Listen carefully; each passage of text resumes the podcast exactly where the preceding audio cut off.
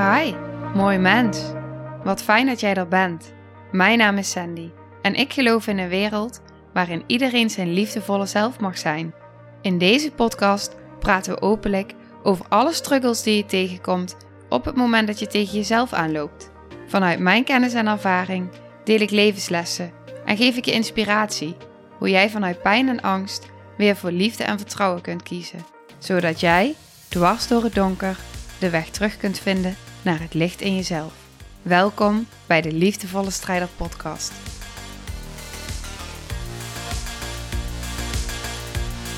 Welkom bij deze eerste aflevering. In deze aflevering deel ik mijn eigen persoonlijke verhaal, zodat je weet wat mijn drijfveer is om deze podcast te starten, wat mijn missie daarachter is en waar deze vandaan komt. Gaandeweg in mijn verhaal zal ook steeds duidelijker worden waarom ik voor de naam de liefdevolle strijder heb gekozen. In mijn kindertijd werd er namelijk een strijder in mij geboren. Toen ik zeven jaar jong was, verhuisde ik samen met mijn 28-jarige moeder en mijn broertje naar een ander dorp omdat onze ouders gingen scheiden. Mijn moeder werkte fulltime, volgde een studie en struggelde flink met zichzelf. We kregen eten vanuit de voedselbank omdat we amper konden rondkomen. Ik kreeg vaak kleding vanuit goedkopere winkels en dat in combinatie met mijn onzekerheid maakte dat daar op school vaak opmerkingen over werden gemaakt. In de jaren daarna volgden er verschillende stiefvaders en thuis liepen de spanningen vaak hoog op. Dat maakte dat ik mij onbegrepen en alleen voelde. Ik had geen eigen mening en deed alles wat ik dacht dat anderen van mij verwachten. Alles om maar aardig gevonden te worden. Ik liet me gebruiken en trok nooit de grens op. Ik was er niet eens bewust van dat ik een grens mocht hebben en liet letterlijk alles toe. Ik vond dat ik er niet toe deed. Naast ons woonde een buurman van ongeveer een jaar of 40, 50 of zo.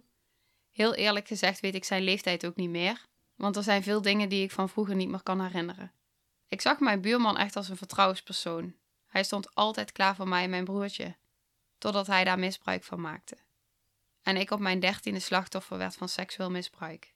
Hij nam daar niet alleen mijn vertrouwen in de mens weg, maar ook mijn gevoel. Op dat moment ontstond mijn eerste depressie en ontstond in mij de strijder van zelfhaat. Ik haatte mezelf, ik schaamde me, ik haatte wie ik was, ik haatte mijn lichaam. Ik wilde letterlijk niet meer in mijn lichaam zijn. Ik wilde überhaupt niet meer op deze wereld zijn. Het was een donkere periode waarin ik niet wilde leven en er vanuit trauma allerlei overlevingsmechanismen ontstonden. De ergste daarvan was mijn emotionele pijn draaglijker maken met, met fysieke pijn. En ik had niet verwacht dit ooit te delen en al helemaal niet met iedereen die maar wil luisteren. Want de schaamte daarvoor is enorm. En er zijn ook maar weinig mensen die hiervan weten. Waarom deel ik het dan toch? Omdat er eigenlijk twee dingen zijn die mij hiertoe doen aanzetten. En de eerste is mijn missie. In het kort gezegd is mijn missie anderen te inspireren om te leven vanuit liefde, vanuit heelheid en zelfliefde, zodat jij kunt zijn wie je wilt zijn. En de tweede is een nieuwe waarheid die ik hier voor mezelf heb aangenomen. En dat is, als ik ga delen, hoe moeilijk ik dat ook vind, dan straal ik juist uit naar iedereen die luistert dat jij ook mag delen met anderen wat je wil delen. Delen is helen. Je hoeft niet overal alleen meer rond te lopen. Je hoeft niet alles alleen te doen. Dat is wat ik wil uitstralen. Want je ziet niet van de buitenkant welke strijd iemand levert. En door te delen hoop ik je te inspireren. Maar ook te laten voelen dat je niet alleen bent, dat je niet de enige bent. Dat je je niet hoeft te schamen. Dat alles er mag zijn. Dat jij er mag zijn, met je pijn. En doordat ik nu weet wat pijn is, kan ik de pijn van anderen omarmen. Ik was 15 toen ik uit huis ging.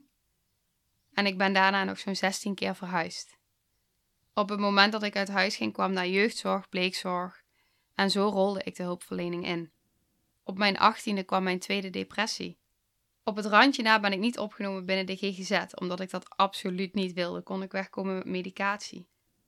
Ik lachte altijd alles weg. Het werd een manier van omgaan met jezelf staande houden voor de buitenwereld. Heel erg sterk zijn, daar werd ik echt super goed in. Soms voelde het zelfs bijna alsof ik een dubbel leven leidde. Want voor de buitenwereld was er altijd maar die lach. En het leek ook echt alsof ik alles voor elkaar had. Ik volgde verschillende opleidingen, deed veel cursussen, werkte met zoveel passie en plezier in de zorg. Ik vond het fantastisch om er voor anderen te zijn, om samen te werken met geweldige collega's. Ik had een druk sociaal leven, ik ging duiken, motorrijden, meerdere keren per week sporten. Ik was altijd in de weer en in voor gezelligheid. En op die momenten voelde ik me ook zo goed. En achteraf gezien was het ook vermijding. Vermijding om niet naar binnen te hoeven keren. Want juist op de momenten dat ik alleen was, bijvoorbeeld in de nachten, dan kwam alles. De nachtmerries, slaapverlammingen, tot hallucineren aan toe, puur vanuit angst. Ik leefde vanuit mijn hoofd omdat ik niet durfde te voelen en nog steeds niet in mijn lichaam wilde zijn. Doodsbang. Bang om alleen te zijn, om in de steek gelaten te worden. Bang voor het contact met mezelf, bang om stil te staan. En dus moest ik altijd maar doorgaan. Hard werken, niet klagen. En vooral heel erg normaal lijken. Maar ik voelde me alles behalve normaal. Want hoe het er voor de buitenwereld dan ook uitzag, in mijn binnenwereld die continue strijd, het gevecht in mezelf met angst, woede, eenzaamheid, zelfopoffering, me onbegrepen voelen, pijn, verdriet en altijd maar jezelf niet goed genoeg vinden. Maar ik wist ook echt niet hoe ik ermee om moest gaan, met die pijn, met het verdriet, met mezelf. Hoe doe jij dat eigenlijk? Hoe ga jij om met tegenslag, met verdriet, met pijn? Wat zijn jouw manieren? Ik dacht altijd dat de oplossing buiten mijzelf lag. Als ik maar heel aardig, lief, mooi, gezellig, sociaal en succesvol werd, dan zou ik vast wel gelukkig worden, toch? Maar ik ging me steeds meer afvragen: wat is geluk dan eigenlijk? Hoe voelt dat? Wat betekent het om gelukkig te zijn? Wat betekent het voor jou? Ik had namelijk geen idee. Ik had dus al vanaf in mijn kindertijd veel behandelingen en therapieën gehad. Ik wilde zo graag groeien, mezelf ontwikkelen.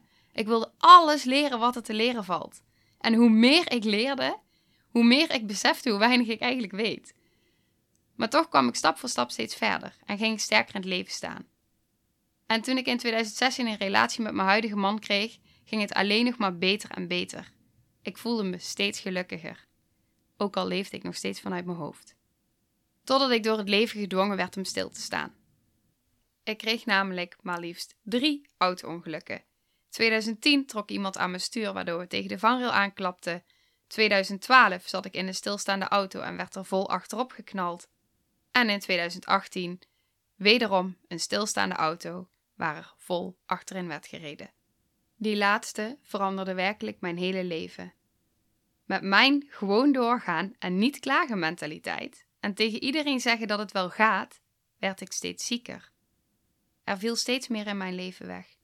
En steeds harder ging ik in de angst en de weerstand tegen wat er is. Uiteindelijk kon ik niets meer. Niet meer het huishouden, geen sociale contacten, geen autorijden, niet op een beeldscherm kijken, niet sporten. En wat ik het allerergste vond, niet meer werken. De pijn in mijn nek, hoofd, rug en zelfs gezicht was ondraaglijk. Mijn hersenen functioneerden niet meer zoals ze eerder deden en ik kon geen prikkels meer verdragen. Zo kon ik niet meer tegen licht en geluid en lag ik soms hele dagen in het donker, mijn visuele systeem werd niet meer goed aangestuurd vanuit mijn hersenen. Wat in het kort uitgelegd betekent dat ik wel kon zien, maar mijn ogen niet meer wisten hoe ze moesten kijken. Informatie werd niet meer goed gewerkt, ik kon niet meer op woorden komen. Een gesprek voeren was zo intensief dat ik er een dag van moest bijkomen. Mijn autonome zenuwstelsel was helemaal van slag, wat maakte dat ik continu in een fight-flight modus stond. Het kostte inspanning voor mijn lichaam om te ontspannen. Ik sliep amper en doordat mijn evenwichtsorgaan overprikkeld was, voelde ik me zeeziek en misselijk. Daarbij was, en zelfs nog is, de nervus vagus, dat is de tiende en grootste hersenzenuw, volledig uit balans. Deze zenuw stuurt ook alle organen aan, en omdat dat niet meer goed lukte, braakte ik dagelijks. Duizelig, oorsuizen, een continu wazig verdoofd gevoel in mijn hoofd en daarbij stemmingswisselingen. Zo kan ik nog wel even doorgaan. Kortom, ik functioneerde niet meer en kon niet meer meedoen in de maatschappij. Sterker nog, ik kon geen dag meer normaal doorkomen. Ging dat ooit nog lukken? Het werd mij pijnlijk duidelijk dat niets vanzelfsprekend is in het leven. En ik had nog maar één wens. Alsjeblieft, normaal weer een dag kunnen doorkomen. Want nu voelde het alsof ik mezelf nog meer kwijt was dan ooit tevoren. Ik had duizend vragen en geen antwoorden. Ik had geen controle. Maar heb je die überhaupt ooit? Of is het allemaal schijnzekerheid en controle? Geen enkele rol die ik aannam als partner, vriendin kon ik nog vervullen. Ik kon niet meer vermijden en de Sandy zijn die ik altijd was. Het liet me waardeloos voelen en ik schaamde me. Het was uitzichtloos, donker, eenzaam. Maar er was hoop. En die hoop hield mij staande. Want ik dacht steeds: met alles wat ik in mijn leven heb meegemaakt, ben ik altijd blijven geloven dat het ooit wel goed zou komen. Dus ik vertrouwde erop dat dat nu ook zo was. Ik had er alles voor over om beter te worden en heb twaalf verschillende behandelingen doorlopen, van reguliere zorg tot specialistisch tot alternatief. En ben uiteindelijk zelfs naar Amerika gegaan voor een behandeling voor hersenletsel. Want in Nederland bij de revalidatiekliniek zeiden ze dat ze me alleen konden helpen in het leren omgaan met, maar niet konden herstellen. Toen ik wist dat ik naar Amerika kon, voelde dat als een laatste hoop. Maar tegelijkertijd besefte ik ook dat alles anders moest. Mijn doorzettingsvermogen is ongekend, maar het werkte zo tegen me. Ik werd steeds en steeds en steeds weer door mijn lijf gedwongen om stil te staan. Ik voelde ook dat ik op een kruispunt stond. Ik moest mezelf aan gaan kijken en besefte dat ik kon kiezen tussen een depressie en nog meer weerstand, of mijn belemmerende patronen, blokkades en angsten aan te kijken. En ik besloot op dat moment dat ik dit ging zien als een levensveranderende ervaring en dat ik hem met beide handen ging aanpakken. Ik besloot me te richten op alles wat goed is, om voor mezelf te gaan zorgen. En het bleek dat ik hele andere dingen nodig had dan ik altijd dacht. Ik besefte dat ik zelf zoveel kon veranderen en dat ik nu de kans kreeg om alles aan te pakken. Mijn mindset, mijn geloof, maar ook mijn leefstijl. Ik ben me bijvoorbeeld gaan verdiepen in wat nu eigenlijk gezonde voeding is. En wat voor ontzettend groot effect dat heeft op je emotie, op je lichaam, op je hele systeem. Ik ben me gaan verdiepen in de kracht van ademhaling, een cursus zelfliefde gaan doen, vergevingsbrieven gaan schrijven, vanuit dankbaarheid gaan leven en gaan mediteren. Ik ben mijn hele mindset gaan transformeren. Alles heb ik aangekeken en ben ik doorheen gegaan, dwars er doorheen. Ik ging mezelf zien als een student, als een student van het leven, van mijn leven. En ik wilde nog meer bewust zijn, nog meer leren wat en waarom alles op mijn pad was gekomen. Want bewustzijn is echt een sleutel tot geluk. Ik leerde vanuit weerstand in de acceptatie te gaan, uit de strijd tegen wat er is. En dat dat het zoveel lichter maakt voor jezelf. Meebewegen in plaats van er tegenin worstelen. Vol in de overgave dat alles goed is zoals het is. Zelfs al is het totaal niet zoals ik had voorgesteld. Want als ik nu kijk naar mijn leven, waarvan ik altijd dacht dat ik nu zou hebben moeten staan, dan is dat totaal anders. Geen eigen huis, een baan, moeder. Maar ik ben herstellende meer tevreden met mezelf dan dat ik ooit ben geweest. Ik voel meer liefde voor mezelf dan ik ooit heb gevoeld. En ik ben helemaal oké met alles wat er is. Mijn dankbaarheidsniveau stijgt de pan uit. Het voelde op een gegeven moment zelfs bijna als een cadeautje. Dit had ik nodig om vanuit mijn hoofd terug in mijn lijf te komen. Ik leerde kiezen voor liefde en vertrouwen. En daar was het begin van de liefdevolle strijder. Want echt waar, hoe meer je voor liefde en vertrouwen gaat kiezen, hoe meer je oké wordt met alles wat er is en hoe moeitelozer alles gaat. Maar daarvoor moet je wel eerst afrekenen met je oude patronen. Want als ik jou nu de vraag stel: voor wie doe je het goed als je alles op orde lijkt te hebben, maar je van binnen onrustig, ontevreden en ongelukkig voelt? Is dat dan het beste voor jezelf? Of draait het leven juist om jezelf goed te voelen in wie je bent, in wie je wilt zijn, in wie je kunt zijn? Want je kunt zoveel meer dan je denkt. Er is zoveel meer mogelijk dan je denkt. Dat is iets wat ik je zo graag wil meegeven vanuit mijn hart. Ik heb zo ontzettend veel dingen geleerd. En ik vroeg me steeds vaak af waarom we deze dingen niet op school leren. En ik dacht zo vaak, dit zou iedereen moeten weten. En dat is ook een van de redenen dat ik deze podcast start, want ik gun het je zo enorm. Sommige dingen zijn zo simpel, maar kunnen enorme veranderingen teweeg brengen. Wat we vaak denken is dat we lange behandelingen en verwerking nodig hebben. Dat dacht ik ook altijd. Maar ik heb ingezien dat het vaak simpeler is dan je denkt en zo dichtbij. Want de oplossing ligt niet buiten onszelf, maar in onszelf. We hebben zoveel invloed op ons eigen leven. We kunnen stoppen met lijden. Lijden is namelijk een keuze. En daar kom ik in een andere aflevering op terug. Maar ook dat we ons niet hoeven te laten leiden door onze angsten. Want vaak is de angst in ons hoofd niet reëel. En dat maakt angst zo'n slechte raadgever. Want denk eens even met me mee. Wat is jouw grootste angst? Hoe vaak helpen al die angsten jou? Angsten, maar ook zorgen over de toekomst. En verdriet over gebeurtenissen in het verleden. Wat er vaak gebeurt in ons hoofd, is dat we de ervaring van het verleden projecteren op de situatie van nu, terwijl nu een andere situatie is. En op het moment dat je die ervaringen van het verleden, of die nu wel of niet goed voor je zijn, of ze je nu wel of niet dienen, gaat projecteren op de situatie van vandaag, bekijk je het niet vanuit een heldere blik. In veel gevallen gaat het je tegenwerken en daardoor laat je onbewust je verleden de toekomst bepalen. En dat is heel logisch, want zo werkt ons brein vanuit onze conditionering. Dat zijn de programmeringen die je aanmaakt op basis van je eerste ervaringen in het verleden, vooral in de eerste zeven jaar van je leven. En het mooie hieraan is dat je deze kunt veranderen, want jouw brein is heel erg plastisch. Dus ook hier begint het met bewustwording, want als je leert afstand nemen van je gedachten, kun je patronen gaan zien.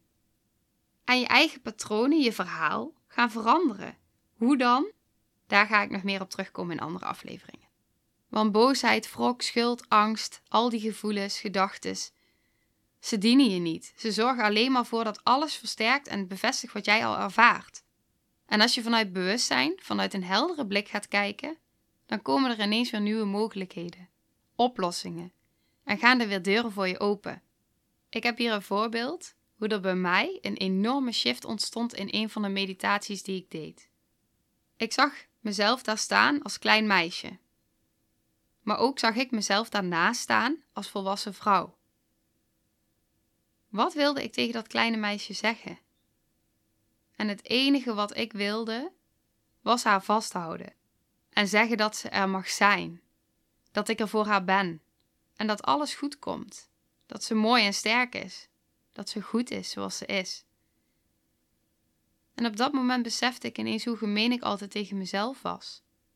En in dat moment veranderde werkelijk alles. Want later, als ik verdrietig werd, kon ik mijn armen om mezelf heen slaan en zeggen dat het er mag zijn. Dat ik niet boos op mezelf hoef te worden. En steeds meer kon ik zelfliefde voelen. Maar ook accepteren dat al die rollen die ik van mezelf moest zijn helemaal niet nodig had.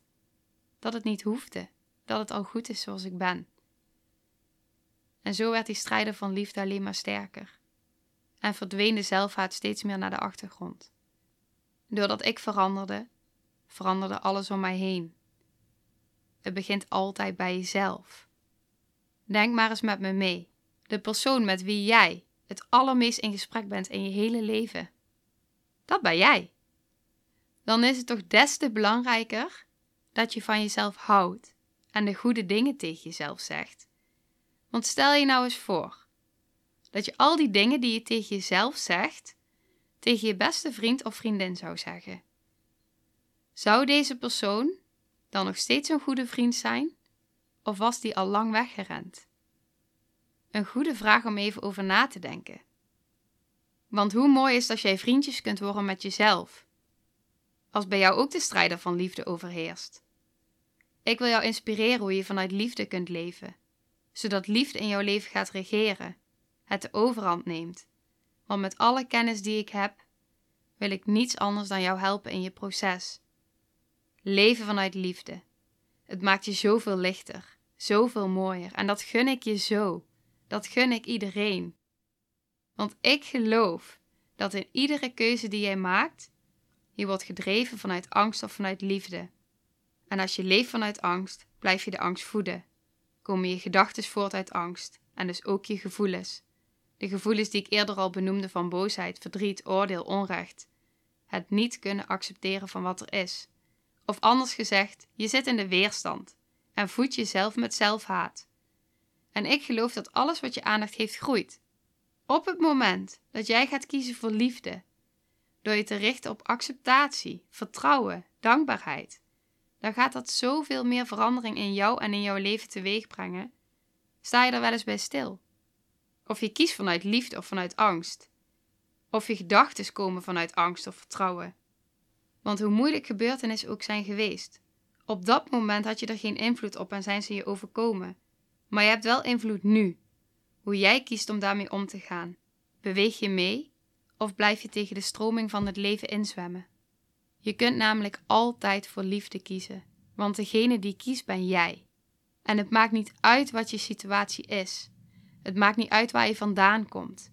Jij bent de schrijver van je eigen leven. Jij bepaalt wat je schrijft, iedere dag. Iedere dag begint jouw leven opnieuw. Morgen sta je op, is er weer een nieuwe dag. En zo is iedere dag een nieuw begin. Het voelt voor mij alsof ik deze dingen mee heb mogen maken, zodat ik daar nu anderen in mag helpen. Het voelt alsof deze dingen op mijn pad zijn gekomen, omdat ik ze kon dragen en ervan mocht groeien. Dus bij deze, mijn masker is af. Ik sta op, ik spreek mijn stem uit. En ik hoop daarmee een voorbeeld te zijn voor velen. Want hoe spannend ik het ook vind dat anderen mening over je hebben, en misschien herken je jezelf hierin, mij helpt het om daarbij te denken dat ik nooit controle heb over wat de ander denkt of vindt. En dat iemand zijn mening voortdurend verandert. Mensen hebben toch wel een mening over je. En dan kun je beter goed doen voor jezelf. Want dan doe je tenminste goed voor de allerbelangrijkste persoon. En dat ben jij. Ik hoop je hierin uit te nodigen. Want echt waar, jij mag zijn wie je bent, wie je wilt zijn. Sterker nog, dat verdien je. En weet je, vaak is de enige die jou het meest veroordeelt jijzelf. En wat jij denkt dat een ander van jou denkt, denk jij zelf. En zo werkt het met alle gedachten. Maar zijn die gedachten waar? En wat nou als je anders gaat denken? Waardoor je gedachten voor je gaan werken in plaats van tegen je. Zodat alles in jou verandert. En alles om jou heen. Want als ik het kan veranderen, kan jij het ook. En daar wil ik je graag bij helpen. Doordat ik het vertrouwen terugvond in mijzelf, het contact met mijzelf herstelde, vond ik het licht. Ik dacht altijd dat het licht zat aan het einde van de tunnel. Maar ik weet nu wel beter. Het licht zit in mijzelf. En ik wil niets liever dan jou helpen ook het licht in jouzelf te vinden. Mocht je deze aflevering inspirerend hebben gevonden, voel je vrij om hem te delen. Ik ben super benieuwd wat je ervan vond. Laat het me alsjeblieft weten. Je mag ook uh, me taggen op Insta. Uh, stuur me een berichtje. Ik vind het helemaal fantastisch. Eens in de twee weken zal er een nieuwe aflevering komen. Misschien ga ik het ook nog wel ophogen, maar dan ben jij de eerste die het weet. En wat ik als laatste nog even wil benoemen, is dat ik natuurlijk een hoop onderwerpen heb aangestipt. En daar ga ik in de afleveringen nog veel dieper en dieper op in. Er zijn natuurlijk ook nog veel meer onderwerpen waar ik het graag over wil hebben, maar ook dat alles wordt vervolgd. Wil je me blijven volgen en je lekker laten inspireren? Abonneer je dan op deze podcast. Nou, lieve mensen, ontzettend bedankt voor het luisteren. Ik ben heel benieuwd wat je van de aflevering vond en welk inzicht je eruit hebt gehaald. Mocht je nog vragen hebben of is er een onderwerp waar je meer over wilt weten, laat het me dan weten. En wie weet neem ik het mee in een van de volgende afleveringen. Als je het leuk vindt, kun je de aflevering delen. Of maak een screenshot en tag me op Instagram. Want ik vind het echt super tof om te zien wie er luistert. De link van mijn Instagram staat in de beschrijving bij de podcast. En wil je blijvend geïnspireerd worden? Klik dan op abonneer of volgen in de podcast-app waarmee je luistert. Dat zouden ik en alle toekomstige luisteraars enorm waarderen. Want dat zorgt er namelijk voor dat de podcast beter gevonden wordt. Nogmaals, dankjewel voor het luisteren en heel graag tot de volgende aflevering.